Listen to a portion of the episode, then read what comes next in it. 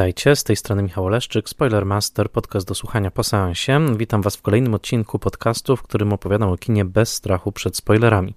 Zapraszam Was do posłuchania odcinka, jeżeli widzieliście już film, o którym mówię, ewentualnie jeżeli nie boicie się spoilerów.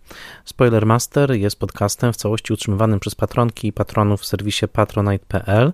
Serdecznie dziękuję im wszystkim i zachęcam wszystkich, którzy podcastu jeszcze nie wspierają, do zajrzenia na stronę patronite.pl łamane przez Spoilermaster. Spoilermaster jest podcastem darmowym w szerokim dostępie i taki pozostanie, a jego misją jest szerzenie wysokojakościowej wiedzy o kinie. Jeżeli zechcecie wesprzeć moją pracę przy tym podcaście, będę Wam za to bardzo zobowiązany. Jestem wyjątkowo zobowiązany patronkom i patronom imiennym podcastu i serdecznie im niniejszym dziękuję. Michałowi Hudolińskiemu ze strony Gotam w deszczu, Dianie Dąbrowskiej z Akademii Włoskiego Kina, Agnieszce Egeman, Odjemu Hendersonowi, Beacie Hołowni, Annie Jóźwiak, Tomaszowi Kopoczyńskiemu, Przemysławowi Bartnikowi, współautorowi podcastu James Bond Team.pl, Bartkowi Przybyszewskiemu z bloga Liczne Rany Kłute i podcastu o latach 90. Podcastex, Konradowi Słoce, Mateuszowi Stępniowi, Jerzemu Zawadzkiemu i Tomaszowi Mączce, autorom podcastu Let's Made Movies, prezentującego ciekawe analizy filmowe, blogowi Przygody Scenarzysty, prezentującego analizy scenariuszowe, a także portalowi Outfilm, oferującemu szeroki wybór filmów o tematyce LGBT. Serdecznie im wszystkim dziękuję, a w dzisiejszym odcinku Spoilermaster Classic opowiem o filmie może troszeczkę zapomnianym, może troszkę też za słabo znanym w Polsce przez fakt, że jego dystrybucja była dosyć ograniczona, ale jednak o filmie bardzo wyjątkowym, który z latami urósł wręcz do rangi jednego z najwybitniejszych filmów lat 90. Opowiem Wam dzisiaj o filmie z roku 1997 pod tytułem Burza Lodowa The Ice Storm. Film w reżyserii Anga Lee, oparty na powieści Ricka Moody'ego, w momencie premiery okazał się finansową porażką. Kosztował 18 milionów dolarów, przyniósł tylko 8, nie zdobył żadnej nominacji do Oscara, mimo bardzo dobrych recenzji i dobrego przyjęcia przez krytyków.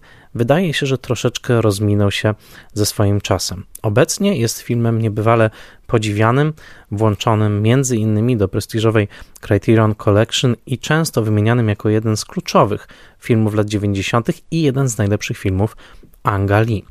Dzisiaj opowiem Wam o tym, kim jest Anglii, w jaki sposób podszedł do adaptacji powieści Ricka Moody'ego i jakie znaczenia w swoim filmie zawarł. Film Burza Lodowa jest portretem amerykańskiej społeczności, amerykańskiego społeczeństwa na początku lat 70., w epoce Nixona, u progu wielkiego rozczarowania, jakie przyniosły przemiany społeczne i polityczne. O tych przemianach także opowiem w dzisiejszym odcinku.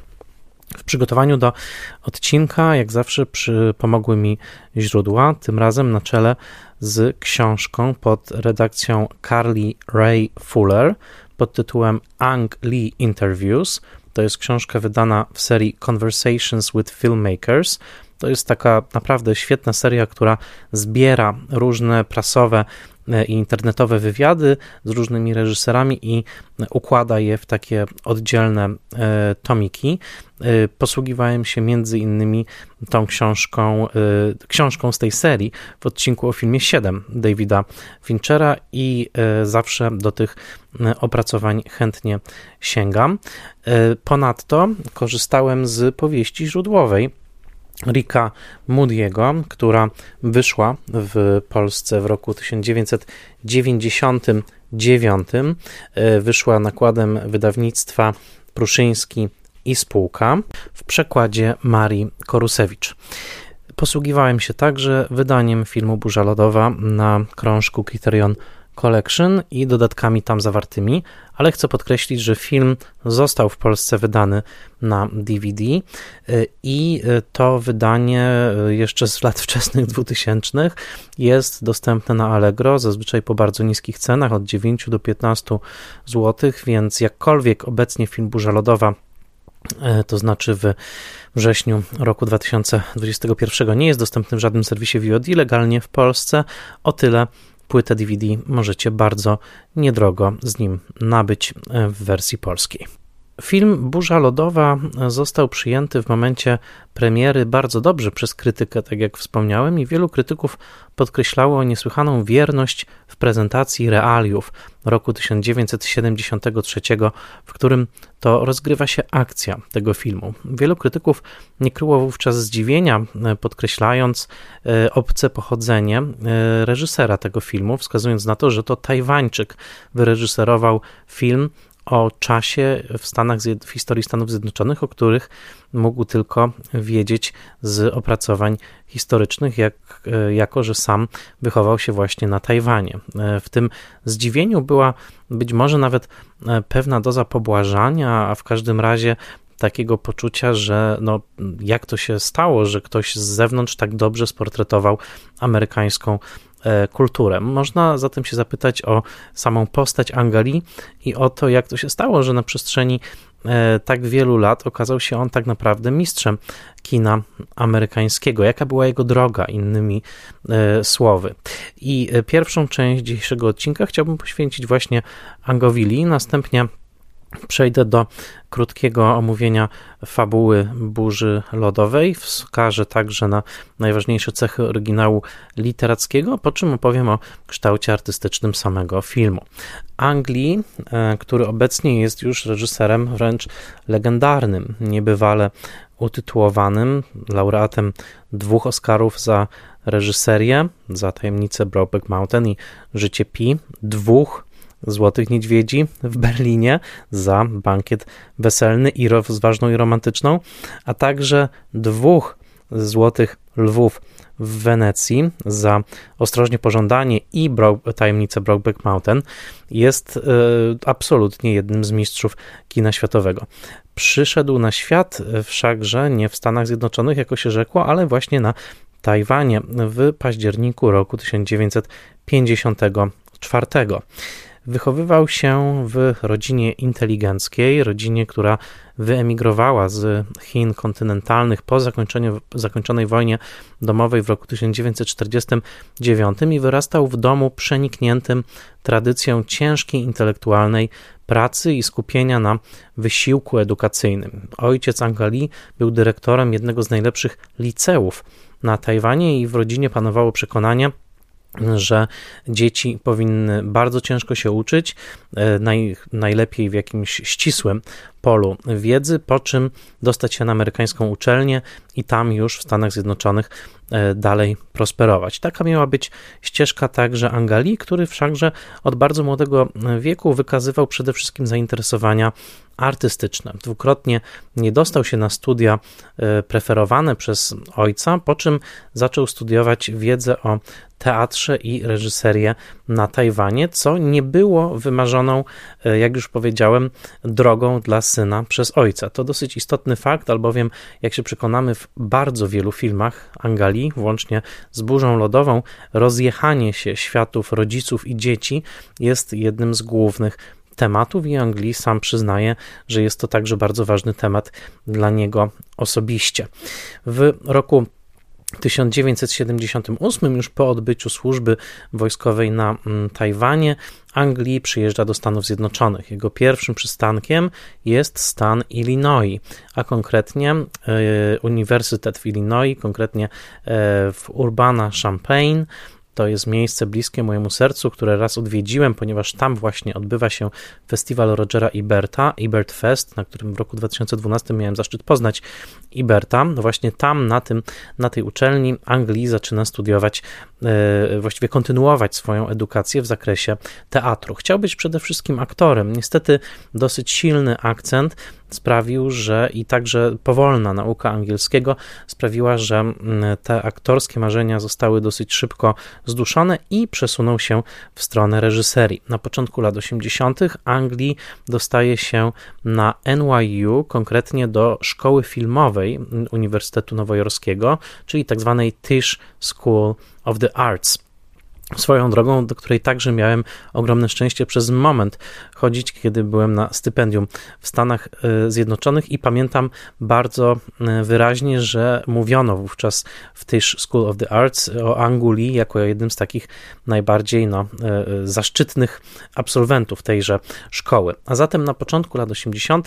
Anglii studiuje właśnie w Nowym Jorku, tam rozwija swoje reżyserskie talenty i jednym z jego kolegów ze szkoły jest niejaki Spike Lee, z którym się szybko zaprzyjaźnia i nawet pracuje mm, na planie jego e, filmu dyplomowego. W roku 1984 e, Lee już kończy NYU, wcześniej realizuje film dyplomowy pod e, tytułem Fine Line, który zwraca uwagę e, agencji Williama Morrisa. To taka słynna agencja talentów, e, która no, werbuje właśnie utalentowanych ludzi sztuki, po czym szuka dla nich możliwych miejsc zatrudnienia. Tak się złożyło, że Anglii bardzo długo czekał na ten swój moment. W tamtym czasie ożenił się także, jego żona jest mikrobiologiem, urodziła im się w sumie trójka dzieci i lata 80. były naznaczone, jak sam mówi, ogromnym takim wysiłkiem z jego strony, żeby w ogóle zaistnieć, e, także w ramach emigracji do Stanów Zjednoczonych, zaistnieć jako filmowiec i bardzo długo ten sukces nie przychodził. To była właściwie 6-7 lat spędzone ta na takim ciągłym poszukiwaniu projektów, wymyślaniu projektów, spotkaniach z producentami, co wszakże nie przynosiło żadnych efektów. I Anglii mówi o tym, że bardzo trudno było mu przetrwać ten czas, zwłaszcza drugą połowę lat 80., kiedy to wsparcie żony było dla niego bardzo ważne. Ta wiara żony w to, że jemu w końcu się powiedzie w tym polu, które, tak pamiętajmy, było odległe i od jej e, niesłychanie konkretnego e, pola badawczego, czyli właśnie owej mikro biologii, a także od tych ojcowskich zaleceń, e, które były jednak bliżej zawodów, zwłaszcza medycznych i inżynierskich. A zatem e, Anglii, można powiedzieć, uparł się, że będzie filmowcem i koniec końców przyniosło to owoce, ale nie udałoby się to bez wsparcia ukochanej osoby. A zatem dopiero na początku lat 90. zaczyna się e, odwracać właściwie, albo inaczej, wskakiwać na właściwe tory Fortuna Anga Lee.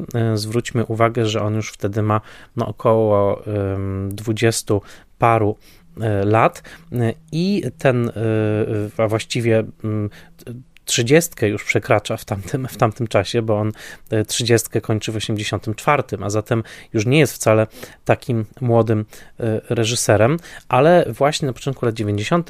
te losy Angali się odwracają w, na, na, właściwe, na właściwe tory i w roku 91 drugim kręci on film pod tytułem Pushing Hands. To jest jego debiut pełnometrażowy. I oczywiście ja nie będę teraz streszczał całej kariery Mike'a Lee aż do 97 roku bardzo szczegółowo, ale jednak warto wymienić filmy, które były przystankami na tej drodze, tym bardziej, że wszystkie wiążą się z osobą tego samego producenta. Albowiem Anglii miał to ogromne szczęście i nawzajem producent ów miał szczęście, że panowie na siebie trafili, bardzo się polubili i stworzyli niebywały duet reżysersko-producencki, który do dnia dzisiejszego wyprodukował aż 11 filmów. Większość z nich znacie i są to filmy niesłychanie utytułowane, słynne. Ale wszystko zaczęło się właśnie na początku lat 90., kiedy to młody producent, troszeczkę młodszy od e, Angali, James Seamus, e, odkrył właśnie w Anguli idealnego partnera kreatywnego.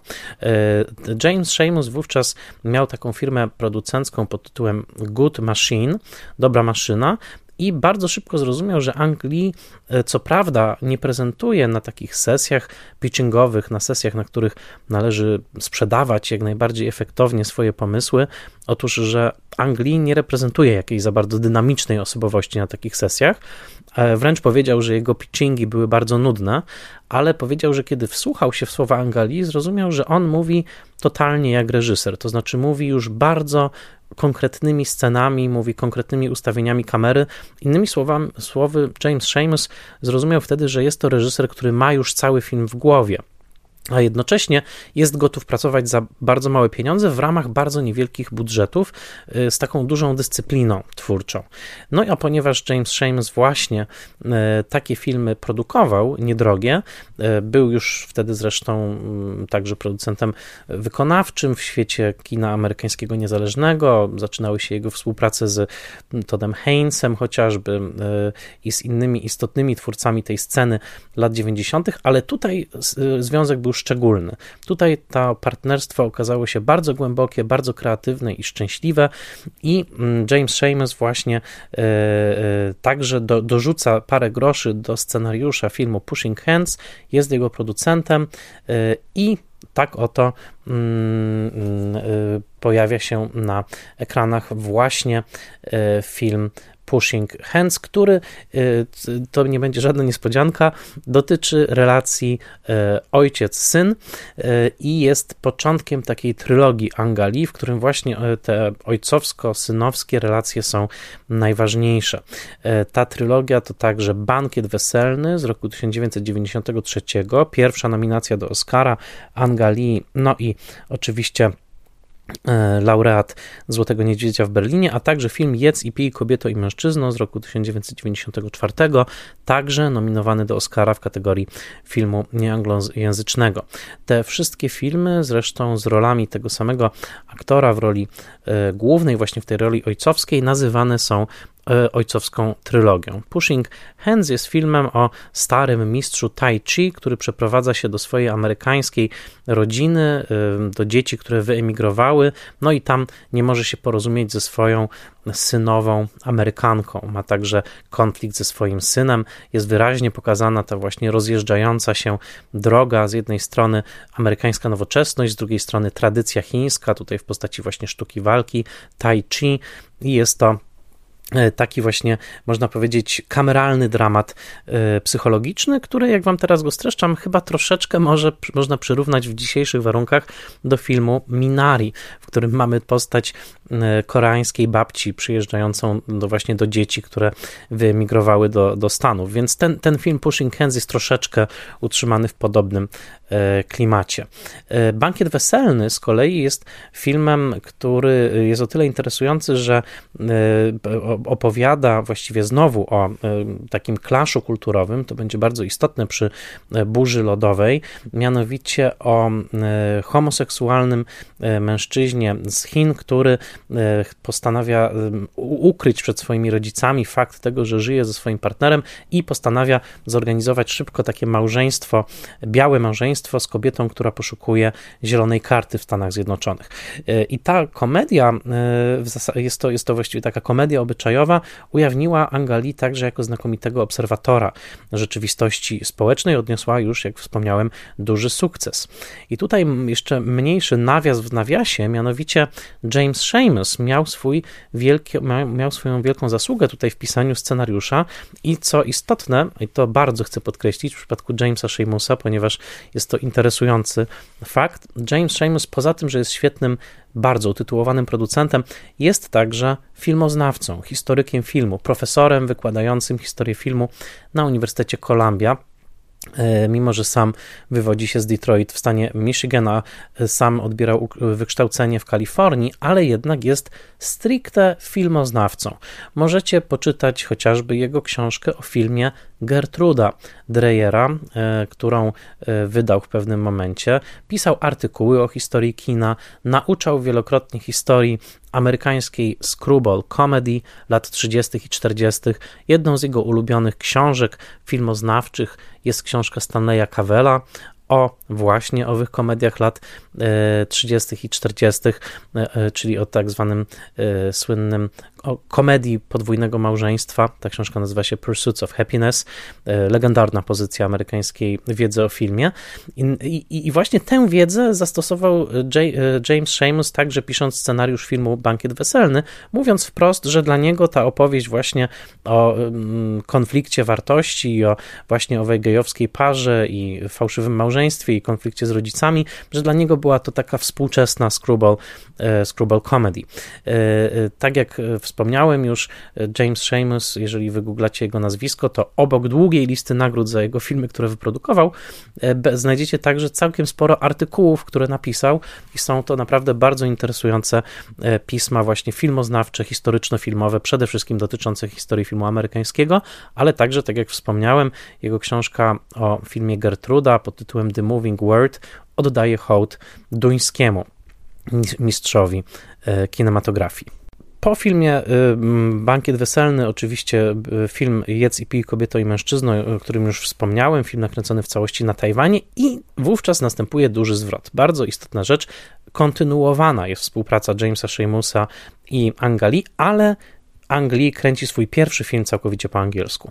I tym filmem jest Rozważna i romantyczna z roku 1995, adaptacja powieści Jane Austen, napisana przez Emma Thompson. Za ten scenariusz Emma Thompson zresztą dostanie Oscara. I to ogromne zaskoczenie. To nawet sam pamiętam, kiedy ten film wchodził na ekrany e, w Polsce bodajże w 96 roku. To takie zaskoczenie, że oto reżyser z Tajwanu tak cudownie przeniósł na ekran prozę Jane Austen, czyli wcielenie właściwie brytyjskości. No film tak klasyczny, tak często grany w telewizji, że jestem przekonany, że wiele osób z Was go mm, widziało. Piękne role Emmy Thompson, Kate Winslet. E, to jest film, za który co prawda Lee skandalicznie nie otrzymał nominacji Oscarowej za reżyserię, ale siedem innych nominacji dla filmu się pojawiło i właśnie Oscar za scenariusz Emmy Thompson także. I w ten sposób Anglii wszedł na taką e, listę reżyserów e, z absolutnego topu w świecie anglojęzycznym. Pokazał także swoją ogromną zdolność e, takiego kulturowego przerzucania biegów, przerzucania się na różne tory, no bo jednak przeskoczyć z Tajwanu do Anglii Jane Austen wymaga dużej inteligencji i dużego otwarcia się na zmianę. I takim samym e, otwarciem się na zmianę było właśnie przeniesienie na ekran Burzy Lodowej, bo to kolejny film w filmografii Angali. E, jeżeli dobrze policzymy, to zobaczymy, że jest to już piąty film Angali, który produkuje on z Jamesem Sheamusem. I co ciekawe, James Sheamus pisze scenariusz do tego filmu. Scenariusz, za który otrzyma nagrodę w Cannes. Film zostanie wyświetlony w głównym konkursie kanańskiego festiwalu w roku 1997. Co prawda, Złota Palma powędruje wówczas do filmu, który omówiłem w Spoilermasterze, to znaczy do Smaku Wiśni e, Abbasa Kierostamiego i zostanie podzielona aequo z Węgorzem, i Mamury, ale yy, nagroda za scenariusz powędruje właśnie do Jamesa Sheamusa. I oto właśnie dotarliśmy do burzy lodowej. E, James Seamus napisał scenariusz na podstawie książki, która zachwyciła obydwu panów. E, została najpierw polecona przez żonę Jamesa Seamusa właśnie producentowi i tutaj pojawiło się ogromne wyzwanie. No bo cóż, książka Ricka Moody'ego, czyli właśnie autora stricte związanego z wschodnim wybrzeżem, urodzonego w 1961 roku w Nowym Jorku, ale wychowanego przede wszystkim w Connecticut, czyli w tym takim no, stanie na północny wschód od Nowego Jorku, kojarzonym raczej z dużymi pieniędzmi i z pięknymi krajobrazami Wybrzeża Wschodniego i z purytańską protestancką kulturą ludzi, którzy zasiedlili te tereny, e, a właściwie wydarli je rdzennym, rdzennym mieszkańcom dwa wieki wcześniej. Otóż Rick Moody napisał książkę Burza Lodowa w 1994 roku i odniósł nią duży sukces. Co takiego spodobało się Angowi Lee, co takiego spodobało się Jamesowi Seamusowi w tej książce? Mówiąc najkrócej, ta książka to podróż w przeszłość. Rick Moody cofa się do czasu własnej młodości, do wczesnych lat 70., a nawet do konkretnego momentu tych lat 70., mianowicie do święta dziękczynienia roku 73. Prezydentura Nixona jest już wstrząśnięta skandalem Watergate, ale jeszcze się nie zakończyła. Jej konwulsje potrwają jeszcze prawie przez następny rok. A zatem książka jest przesycona aluzjami do e, Watergate, do Nixona i do głębokiego gardła, zarówno do słynnego głębokiego gardła, który doniósł, e, który był źródłem dla dziennikarzy Washington Post i którego doniesienia e, obnażyły machinacje Nixona, ale także do głębokiego gardła, do filmu pornograficznego, który w tym okresie trafił niejako na salony amerykańskiej burżuazji i e, Amerykanie z lubością pławili się w, owej, w, owym nowym odkry, w owym nowo odkrytym świecie seksualnej permisywności, takiego przyzwolenia, jakim e, kino pornograficzne właśnie na początku lat 70. w Stanach się staje. I książka Moody'ego, która opowiada o dwóch rodzinach, dwóch rodzinach w New Canaan w Connecticut e, i o tym, w jaki sposób te dwie rodziny są związane e, takim dziwnym, splątanym węzłem małżeńskiej niewierności, zdrady, pierwszych seksualnych eksploracji dzieci z tych rodzin.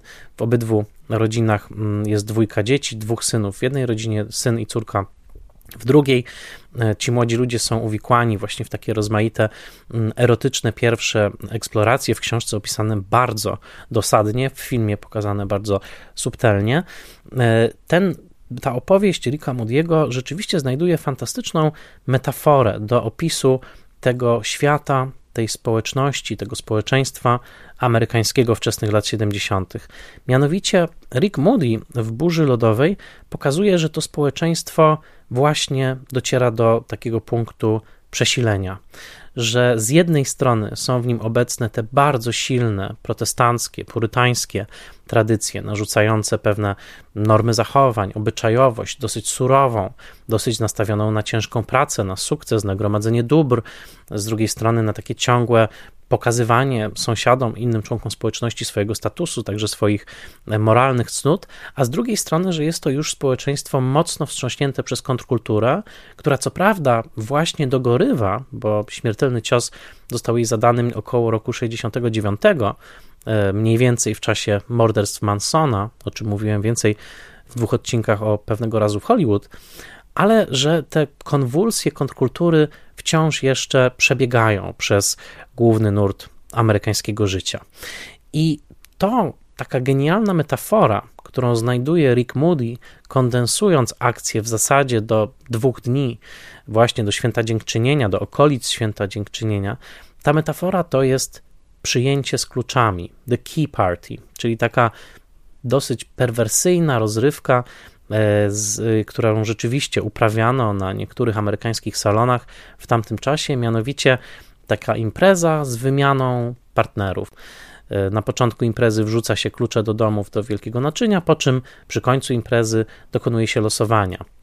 Kobiety wyciągają e, klucze i no, tego mężczyznę, z którego wylosują, zazwyczaj nie będzie to ich mąż, z tym mężczyzną wrócą na jedną noc do domu. Taka perwersyjna wariacja na temat sąsiedzkiej orgietki, chciałoby się powiedzieć, w której Rick Moody dostrzega metaforę takiej właśnie mm, y, poronionego marzenia o erotycznej wolności, o erotycznym wyzwoleniu, o takiej seksualnej rewolucji, która do końca nie może się spełnić, dlatego że wszelkie alianse erotyczne, do jakich dochodzi w, w ramach tej wymiany, są żałosne, są smutne, są bolesne.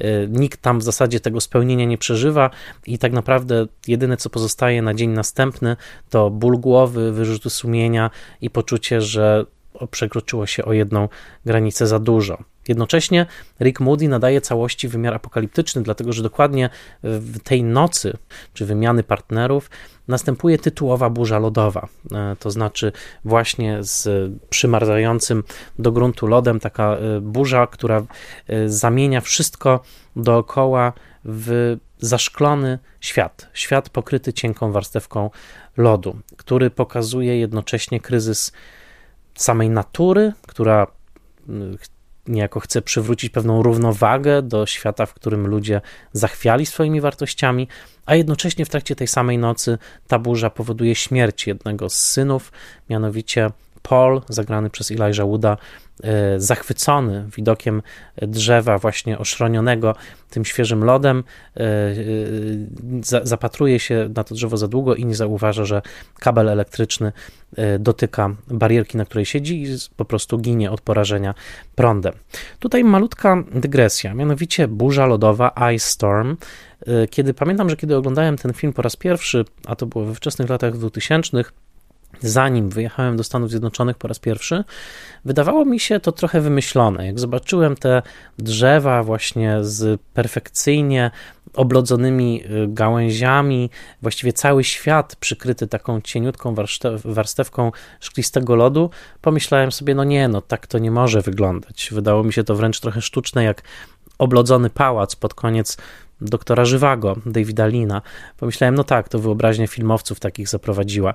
Po latach zresztą poczytałem, że lód był e, tak naprawdę e, żelem fryzjerskim, specjalnie modyfikowanym, bo mm, burza lodowa była kręcona wiosną. Ale to już taki przypis. Natomiast, kiedy pojechałem do Stanów w 2007 roku, to było moje pierwsze stypendium w Dickinson College w Pensylwanii, doświadczyłem burzy lodowej. Zobaczyłem to na własne oczy i muszę powiedzieć, że wygląda to dokładnie tak jak w filmie.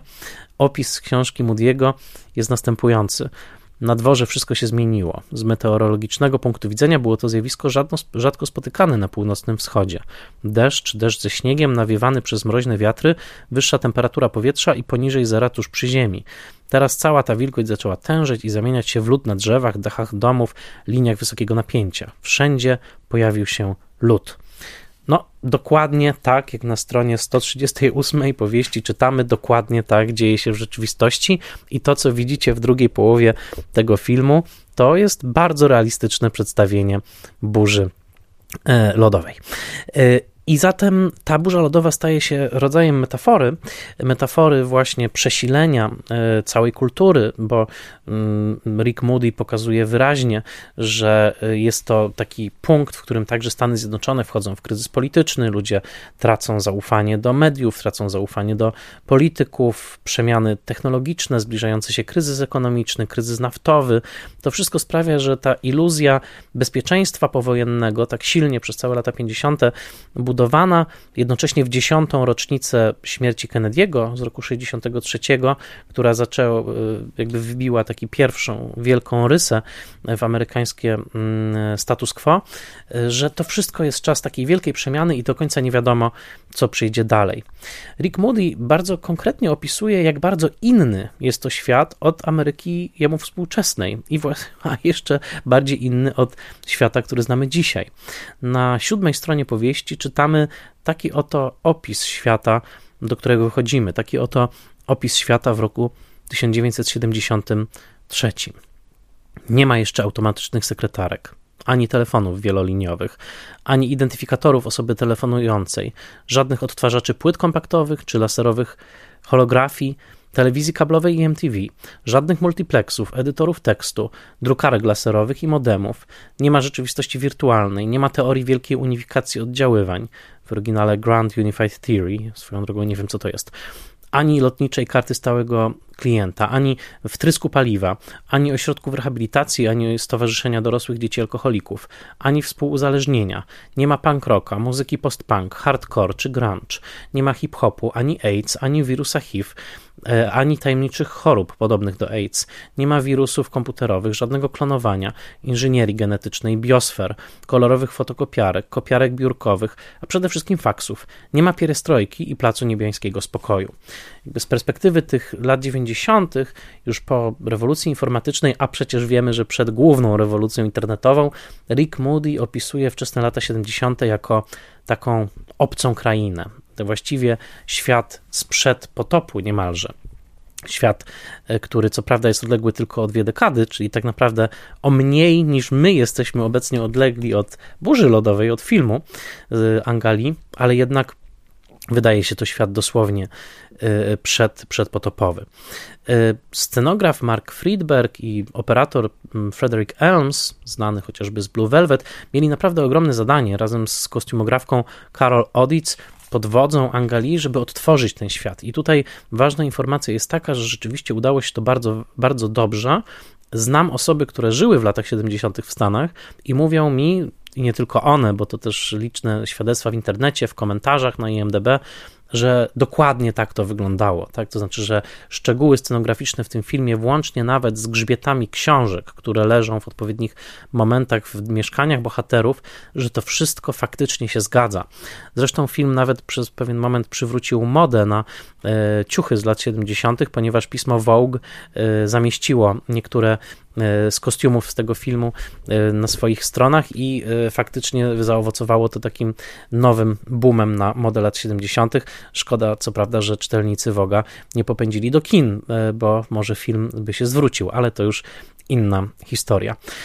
A zatem Anglii, czyli reżyser właśnie z Tajwanu, z tą historią pewnego konfliktu z ojcowskimi oczekiwaniami, a jednocześnie tak mocno wyczulony na wszelkie przemiany obyczajowe, czy to będzie rewolucja przemysłowa skradająca się do świata Jane Austen, czy to będzie właśnie pierwsze e, e, takie e, jaskółki małżeństw jednopłciowych w Ameryce początku lat 90. Otóż Anglii wyczulony tak bardzo, posiadający ten taki czuły sejsmograf kulturowy, przygląda się Ameryce Nixona. Ameryce, której już sam nie doświadczył, jako że do Stanów przyjechał w 1978 roku, a zatem za prezydentury Cartera, ale przygląda się jej z tym całym swoim fantastycznym zespołem produkcyjnym, e, zespołem twórców i odtwarza ją w niebywałym detalu.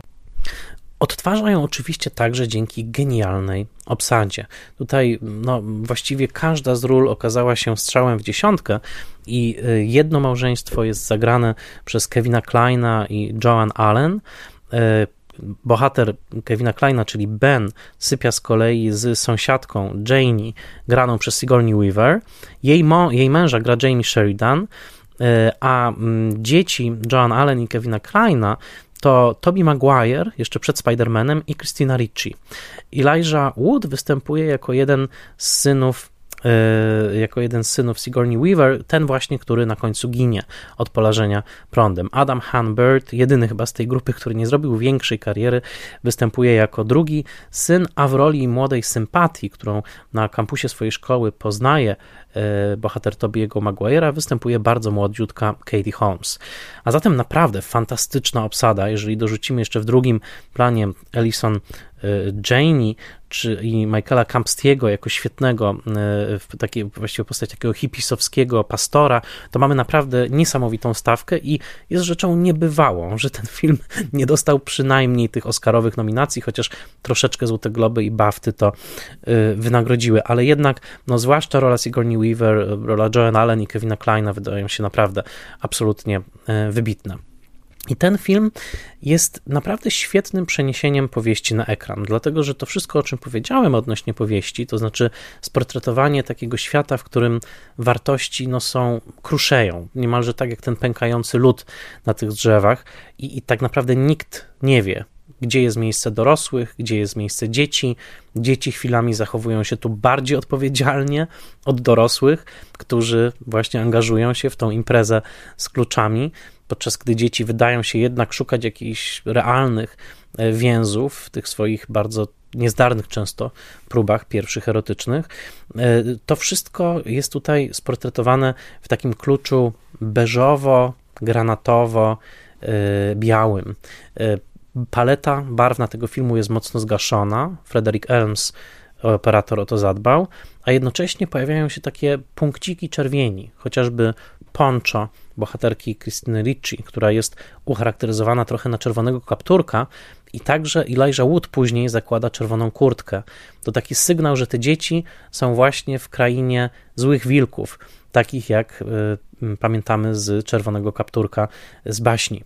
I w pewnym sensie cały ten film jest baśnią, no bo na końcu natura sama y, dokonuje interwencji, a przynajmniej tak to wygląda, że cały świat się zmienia w lodową krainę, tak jakby chciał odzwierciedlić lód obecny w sercach bohaterów. I aż szkoda, że Anglii nie zdecydował się na pójście całkowite za powieścią, dlatego że pod koniec dowiadujemy się, że narratorem całości był Paul, E, czyli właśnie e, bohater Tobiego Maguire'a. I w ostatniej scenie na niebie pojawia się wielka czwórka, e, ognista czwórka nawiązująca do komiksu Stana Lee, który Paul czyta pociągu, czyli do mm, numeru 141 fantastycznej czwórki.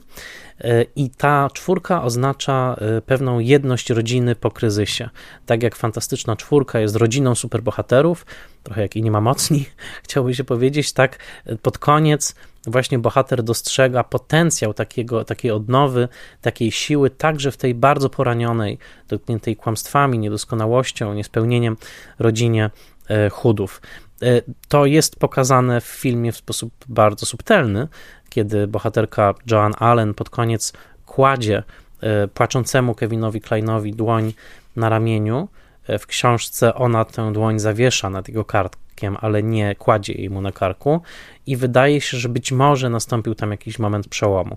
W książce, to, to w filmie, a w książce następuje właśnie ten taki niezwykły moment interwencji z zewnątrz, jakiejś pozaświatowej, kiedy to właśnie ognista czwórka pojawia się na niebie. No byłoby interesujące to zobaczyć. Na taką e, interwencję zdecyduje się w 1999 roku Paul Thomas Anderson w filmie Magnolia, ale to oczywiście zupełnie zupełnie inna historia. Co ciekawe, Anglii e, wniósł na, do, na plan tego filmu e, swoją osobowość, o której wszyscy współpracownicy obficie mówią w tych mm, dodatkach na płycie Criterion Collection, ale jednocześnie znakomicie ogrywał tą cienką linię pomiędzy swoją wiedzą na temat Ameryki i swoją niewiedzą na temat Ameryki i języka angielskiego. Z jednej strony bardzo zależało mu, żeby aktorzy zanurzyli się w lata 70. Każdemu wręczył specjalnie przygotowany skoroszyt z licznymi wycinkami z lat 70., z artykułami, z materiałami modowymi, tak żeby każdy poczuł się jakby żył w tym 73 roku. Książka Moody'ego jest pełna odniesień do filmów roku 73. Słyszymy o filmie Egzorcysta, słyszymy o filmie e, Jesus Christ Superstar, którego plakat pojawia się u Lee. E, słyszymy o filmie Godspell, o bardzo nieudanym filmie Jonathan Livingston Meva, Jonathan Livingston Seagull, jeden z najsłynniejszych, najgorszych filmów wszechczasów, taki new age'owa baśń o mewie. E, to wszystko są szczegóły, które Moody zamieścił w książce i które e, część Lee przeniósł na ekran, ale bardzo mu zależało, żeby aktorzy dużo się naczytali o latach 70., żeby rzeczywiście czuli się tak, jakby wtedy żyli. Lee ogrywał także swoją rzekomą nieznajomość angielskiego. James Seamus mówi o tym wprost, że Lee mówił po angielsku już wówczas, w latach 90., o wiele lepiej niż zdradzał, że mówił. E, James Seamus mówi, że polegał na tym spryt Angali, że potrafił się wcielić właśnie w rolę takiego tajwańskiego reżysera, który ledwo mówi po angielsku i dzięki temu, jak mówi Seamus, e, Angowi Lee uchodziło na planie na sucho o wiele więcej niż uszłoby na sucho reżyserowi amerykańskiemu mógł mówić na przykład aktorom rzeczy bardzo wprost, bardzo jednoznacznie. Nie owijał w bawełnę, no bo zawsze mógł powiedzieć, że no, ja nie umiem za dobrze po angielsku, muszę powiedzieć tak wprost. James Seamus mówi, że na przykład, że na planie rozważnej i romantycznej Anglii powiedział Emmie Thompson: Słuchaj, nie graj tak, jakbyś była taka stara. Don't play so old. James Seamus mówi, że gdyby on to powiedział Emmie Thompson, to zapewne już by nie żył. Natomiast przez to, że powiedział to Anglii, yy, udając jeszcze niepoprawną składnię, to Emma Thompson pomachała głową i powiedziała: Tak, Ang, to świetna rada, będę grała trochę młodziej. Na planie yy, burzy lodowej Anglii spojrzał na Sigourney Weaver w kostiumie yy, przygotowanym przez Carol Oditz i powiedział: You look just like Jane Fonda. James Seamus mówi, że powiedzieć jakiejkolwiek aktorce na planie tuż przed wejściem na, e, przed kamery, że wygląda jak inna aktorka, to też przepis na niezłą awanturę. Tymczasem James Seamus mówi, że Sigourney Weaver nagle tak stężała, patrząc na Angali, po czym przełknęła i powiedziała: O, to świetnie, bo to bardzo odpowiada okresowi, w jakim odpowiada się, e, w jakim rozgrywa się akcja filmu. A zatem Anglii znakomicie też potrafił, można powiedzieć, wcielać się, no nic dziwnego, jeszcze fascynował się aktorstwem na Tajwanie, w taką właśnie rolę kogoś, kto nie do końca włada angielskim, a tak naprawdę, jak mówi James Seamus i o czym świadczą wywiady z Angiem Lee, także te wideo, już wtedy absolutnie znakomicie się tą angielszczyzną posługiwał. Ale to z cyklu, jak szeroka bywa paleta reżyserskich, e, reżyserskich środków. E, Anglii pozostał wierny swoim tajwańskim korzeniom. Wedle Wikipedii amerykańskiej wciąż nie jest amerykańskim obywatelem, jest tylko stałym rezydentem, co, co mnie bardzo zdziwiło, ale także wnosił pewne tajwańskie zwyczaje na plan amerykański. Początki pracy nad swoimi filmami, w tym właśnie nad Burzą Lodową, znaczył specjalną ceremonią, e, taką ceremonią na szczęście, z miską ryżu, z takim, mm, z chwilą medytacji, modlitwy, o to właśnie, żeby mm, produkcja była udana. I nawet zachowały się zdjęcia obecne na płycie Kryteriona właśnie z całą obsadą burzy lodowej, właśnie tych, tych łaspów, tak, tych protestanckich e, bohaterów zamożnych z Connecticut, z New Canaan, którzy e, z kadzidełkami w dłoni e, modlą się o to, żeby szczęście, żeby szczęście im sprzyjało. No i sprzyjało, stworzyli wybitny film, nawet jeżeli nie przyniósł on dużo dużo pieniędzy. Co istotne, żeby pamiętać, jakby cała subtelność tego filmu, którą ja dopiero po latach zrozumiałem w pełni, mam wrażenie, to jest kwestia pokoleniowa, to jest kwestia roczników. To jest kwestia tego, że rok 73 nie był taki jak rok 72 i nie był taki jak 74. Rzeczywiście Rick Moody znalazł idealny moment, żeby sportretować tych swoich bohaterów, którzy, jak to mówi sam Angli, spóźnili się na bycie hipisami.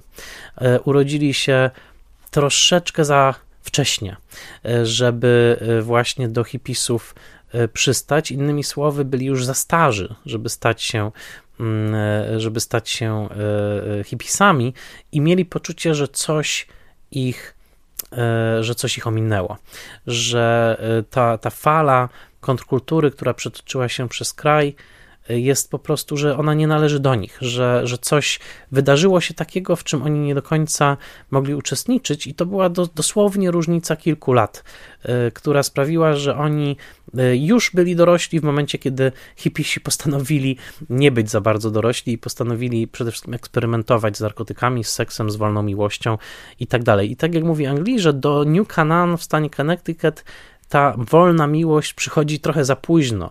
Ta fala przychodzi za późno, ci bohaterowie są już weszli w wiek średni, ale chcą jeszcze skosztować tej wolności, chcą właśnie spróbować tego przyjęcia z kluczami. I w tym filmie to znakomicie widać, że ci ludzie już nie pierwszej młodości próbują dotknąć tej obiecanej wolności, którą tak mocno lata 60. w Stanach były, były nasycone. I yy, co ciekawe, cała ta miejscowość New Canaan była tak konserwatywna, tak właśnie przesycona tym protestanckim etosem, bohaterka, y, matka Wendy zastanawia się, czy przystąpić do kościoła prezbiteriańskiego, episkopalnego czy kongregacjonalistów, że w tej miejscowości było tak konserwatywnie w latach 90., że im się bardzo nie podobała powieść Moody'ego, która sugerowała, że tam w ogóle jakieś cudzołóstwo się działo w tej społeczności i także protestowali przeciwko filmowi e, w trakcie zdjęć, no i tam trzeba było się jakoś z nimi, e, z nimi układać. Ale cały ten kontekst właśnie tego protestanckiego Connecticut, tego mm, tych, tych, tych, bardzo jednak zamkniętych społeczności, on jest, on rezonuje w tym filmie i um, Anglii uparł się, żeby tam kręcić, uparł się także, żeby wyłowić takie perełki nowoczesnej architektury, zwłaszcza e, takie szklane domy kubistyczne, które, z których zresztą New Canaan było znane, ale jak przyjrzymy się temu New Canaan, czyli dosłownie nowej Kanie Galilejskiej, tak? Ta miejscowość, ona wyraźnie wskazuje na pewien taki religijny żar ludzi, którzy zakładali to miejsce, to zobaczymy, że ono ma dosyć niechlubną sławę w amerykańskim kinie, dlatego że zazwyczaj jest pokazywane właśnie jako takie wcielenie takiej duszącej protestanckiej społeczności klasy wyższej, średniej. Ono się pojawia w Żonach ze Stepford, e, tam były kręcone fragmenty filmu, ono się pojawia częściowo w Drodze do Szczęścia sama Mendesa, gdzie Kate Winslet i Leonardo DiCaprio chcą uciec właśnie z takich przedmieść. E, ono się też pojawia w dialogach filmu Dżentelmeńska Umowa Eli Kazana z roku 1947, to Oscar za najlepszy film, gdzie wyraźnie się mówi, że w New Canaan nikt nawet nie wynajmie domu Żydowi. Innymi słowy, jest to tak mocna właśnie taka protestancka e, społeczność, e, że absolutnie oni nie, e, nie będą tolerować u siebie nikogo pochodzenia żydowskiego. Więc taką właśnie duszącą społeczność, z jednej strony konserwatywną, z drugiej strony właśnie doświadczającą tych takich ostatnich drgnień, fal kontrkultury, sportretował w swoim filmie Anglii. I zrobił to rzeczywiście znakomicie. Film ma taką, powiedziałbym, minorową tonację, mm, przenikniętą smutkiem, niespełnieniem. Jest takie poczucie, że coś bardzo nie tak poszło zarówno w samym społeczeństwie amerykańskim, e, w kulturze, w kontrkulturze, w polityce, w rodzinie. Dzieci zastępują dorosłych, dorośli zachowują się jak dzieci. Wszyscy są w takim stanie rozbicia, takiego właśnie e, takiej przemiany, która nie do końca wiadomo dokąd prowadzi, a z perspektywy lat 90., oczywiście, kiedy film powstawał, było wiadomo, że prowadzi ona do takiego swoistego, konserwatywnego zwrotu, który nastąpi w latach 80. ze sprawą Ronalda Reagana, ale to oczywiście będzie już troszkę, e, troszkę inna historia. Natomiast to, co moim zdaniem znakomicie udało się wpierw wytworzyć w powieści Moody'ego, a co potem Anglii z tym swoim właśnie wyczuleniem na kulturowe tarcia, kulturowe tarcia tradycji i modernizacji, e, religii i nowoczesności, to właśnie pokazanie takiego stanu zmęczenia materiału, że te napięcia są już tak duże, a jednocześnie struktury tak zmruszałe, że tylko coś w rodzaju właśnie naturalnej katastrofy z elementem wręcz magicznym, takim jak owa burza lodowa, jest w stanie zmusić ludzi do chwilowego zastanowienia się i do być może pewnej przemiany, ale nawet nad tą przemianą jest w finale postawiony znak zapytania. Dodam, że właściwie wszystko, co powiedziałem w tym momencie, też można odnieść do późniejszych, e, do niektórych z późniejszych współprac e, Sheamusa i Angali, bo przecież oni będą pracowali jeszcze przy Przejażdżce z Diabłem, przy Przyczajonym Tygrysie Ukrytym Smoku, przy Halku, ale przy tajemnicy Brokeback Mountain, które też pokazuje właśnie napięcie w tej Ameryce lat 60. pomiędzy tradycyjnym sposobem życia i tym konserwatyzmem religijnym i właśnie kiełkującą miłością e, e, dwójki mężczyzn, którzy będą musieli wybierać, czy zostać właśnie w strukturach dotychczasowych, czy e, stworzyć coś nowego. Po raz ostatni w swoim jedenastym filmie, już po tym też, kiedy nakręcili w, na Tajwanie ostrożnie pożądanie, e, wrócą Seamus i Lee do tych tematów kontrkultury e, w filmie o Woodstock z roku 2009, Taking Woodstock, ale ten film się już uda o wiele mniej. W zasadzie można powiedzieć, że się nie uda. Jak do tej pory jest to ostatnia ich współpraca reżysersko-producencka. No ale mają tak wspaniałą jedenastkę filmów za sobą, że można tylko mieć nadzieję, że wrócą do współpracy e, także w przyszłości. Nad tym wszystkim unosi się z kolei muzyka. I tutaj piękna, hipnotyczna muzyka Michaela Dayny, który po latach dostanie Oscara za Życie Pi, za inny film, Michael, Mike, za, film, za inny film Angali, to jest rzeczywiście wspaniała kompozycja, która między innymi wykorzystuje indiańskie flety. I na sam koniec tej dzisiejszej opowieści chcę zwrócić uwagę na to, że motyw Indian poprzez właśnie tę muzykę, motyw rdzennej ludności, który pojawia się także w nieobecnej w książce modlitwie, jaką nad stołem e, zastawionym potrawami wygłasza Wendy, mówiąc: Panie Boże, dziękujemy Ci za to, że nasi przodkowie zabili Indian i tak dalej. W książce ta obecność Indian jest o wiele mocniejsza, obecność rdzennych mieszkańców Stanów Zjednoczonych. W pewnym momencie nawet bohater, rozmawiając o filmie Egzorcysta, mówi, że film byłby o wiele bardziej przejmujący, gdyby dziewczynka była opętana przez ducha Indianina. Na końcu narrator cofa się w czasie do czasu sprzed zbudowania tych kolonialnych domków przez e, e, kolonizatorów z Wielkiej Brytanii i mówi, że najpiękniej było tutaj wtedy, kiedy jeszcze była, panowała cisza sprzed owego najazdu e, Anglików. I coś w tym jest, że tak naprawdę widzimy w tym filmie być może kres pewnej formy cywilizacji, tej cywilizacji kolonialnej, która przywiozła ze sobą anglosaską kulturę na te wybrzeża mm, Ameryki Północnej, zasiedliła je, po czym po dwóch stuleciach, trzy lata przed dwustuleciem e, Stanów Zjednoczonych, bo w 76 roku to dwustulecie miało nastąpić, tak kultura wydaje się wyczerpana, wydaje się poruszać równie niemrawo jak ów pociąg, którym podróżuje bohater i tak jak ten pociąg w pewnym momencie w wyniku awarii elektryczności po prostu staje w pół drogi i czeka na ponowny zastrzyk energii, żeby móc wreszcie ruszyć z miejsca. Anglii nie pokazuje momentu, kiedy ta kultura rusza z miejsca. Pokazuje tylko i wyłącznie przejmującą i taką naprawdę bolesną do samej kości stagnację tej kultury, w jaką ona się pogrążyła na początku lat 70. Mam nadzieję, że spodobała Wam się ta opowieść o filmie, który ja bardzo lubię, chociaż jest zawsze dla mnie przejmującym seansem.